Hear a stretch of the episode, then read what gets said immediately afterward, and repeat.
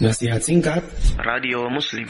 Nabi bersabda, "Man kanatid dunya hammahu, farraqallahu alaihi amrahu, wa ja'ala faqrahu baina 'ainayhi, wa lam ya'tihi min ad-dunya illa ma kutiba lahu.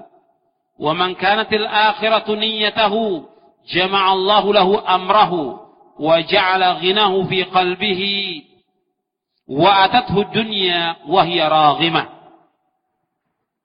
Nabi SAW bersabda, barang siapa yang menjadikan dunia sebagai tujuannya, atau dunia itu sebagai puncak cita-citanya, maka Allah akan cerai beraikan urusannya. Allah akan menjadikan kefakiran itu ada di hadapan kedua matanya. Dan dunia itu tidak datang kepadanya melainkan apa yang Allah sudah tuliskan baginya.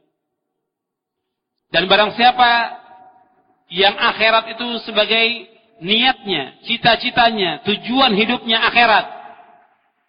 Jama'allahu lahu amrahu. Allah akan satukan urusannya. Wa ja'ala ghinahu fi qalbih. Allah akan jadikan kecukupan dalam hatinya. Wa atathu dunya wa hiya raghimah dan dunia itu akan datang kepadanya meskipun dia tidak mengharapkan. Hadis ini sahih diriwayatkan oleh Imam Ahmad, Ibnu Majah, Ibnu Hibban, Darimi dan Baihaqi dari sahabat Zaid bin Thabit. Hadis ini sahih. Di dalam hadis ini Nabi SAW bersabda, barang siapa yang menjadikan dunia ini sebagai tujuannya, puncak cita-citanya, maka Allah akan cerai beraikan urusannya. Nggak ada yang beres, urusannya tidak ada yang beres. Semuanya berantakan. Kemudian juga hatinya tidak dijadikan satu. Tercerai, berai. Hatta dalam sholat, pikirannya sudah ke mana-mana. Tidak bersatu. Farraqallahu alaihi amra. Dicerai beraikan urusannya oleh Allah SWT. Wa ja'ala faqrau baina dan kefakiran itu ada depan matanya. Karena tujuannya sudah dunia, maka selalu dia, nanti kalau saya jualan ini, pasti saya miskin. Nanti saya begini, saya fakir. Terus, fakir yang ada depan matanya itu kefakiran. Walam yati minat dunia illa ma kutibalahu. Dan dunia itu tidak datang melainkan apa yang Allah sudah tuliskan. Meskipun dia kerja dari mulai pagi sampai malam. Dia usaha dari pagi sampai malam dia dagang dari pagi sampai malam, dia dapat apa yang Allah sudah tentukan. Kalau sehari dapatnya cuma 20 ribu, ya 20 ribu itu yang dapat. Meskipun dia sudah banting tulang dari mulai pagi sampai malam lagi. Kalau dijadikan dunia itu sebagai tujuan hidupnya. Nggak datang rezeki kecuali apa yang Allah sudah tetapkan.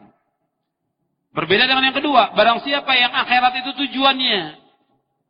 Niatnya akhirat puncak cita-citanya akhirat. Sebagaimana para sahabat ridwanullah ajmain. Maka Allah akan satukan urusannya. Dibereskan urusannya oleh Allah SWT tidak bercabang. Hatinya tidak bercabang. Tetap satu. Yang dituju adalah akhirat. Urusannya pun dimudahkan oleh Allah SWT wa ja'ala ghinahu fi qalbih dan Allah jadikan kecukupan dalam hatinya. Selalu merasa cukup dengan apa yang Allah berikan dan merasa puas dengan apa yang Allah berikan. Wa atathu dunya wa hiya Dan dunia itu akan datang meskipun dia tidak tidak mengharap. Jadi kalau orang sudah tujuannya akhirat, Allah akan jadikan rezeki, diberikan kelapangan dan datang rezeki dari arah yang tidak duga-duga. Sebagaimana Allah berfirman dalam surah At-Talaq, "Wa may yattaqillaha yaj'al lahu makhraja wa yarzuqhu min haitsu la yahtasib. Dan barang siapa yang bertakwa kepada Allah akan diberikan jalan keluar oleh Allah. Wa yarzuqhu min haitsu la yahtasib. Dan Allah akan berikan rezeki kepadanya dari arah yang dia tidak sangka-sangka.